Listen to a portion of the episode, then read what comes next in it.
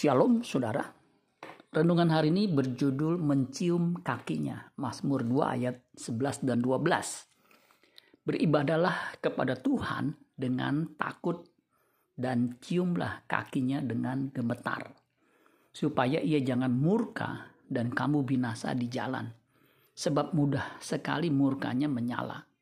Berbahagialah semua orang yang berlindung padanya.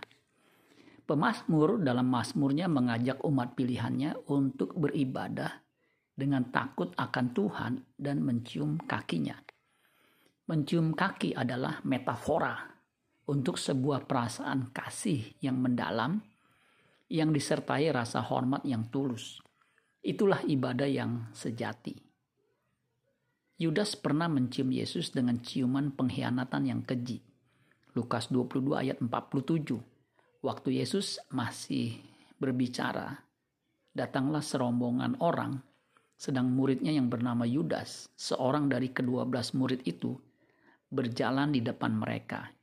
Yudas mendekati Yesus untuk menciumnya.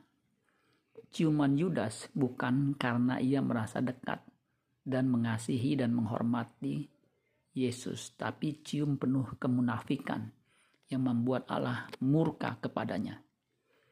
Berbeda dengan perempuan berdosa yang datang mendekati Yesus dengan perasaan kasih dan hormatnya.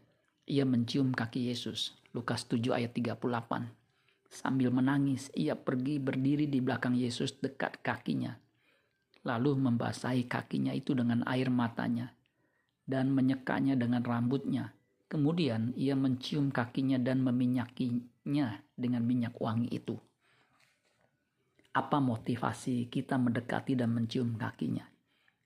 Apa ada motivasi terselubung? Dekatilah dia, cium kakinya dengan perasaan ingin mengabdi kepadanya. Amin buat firman Tuhan. Tuhan Yesus memberkati. Sola Gracia.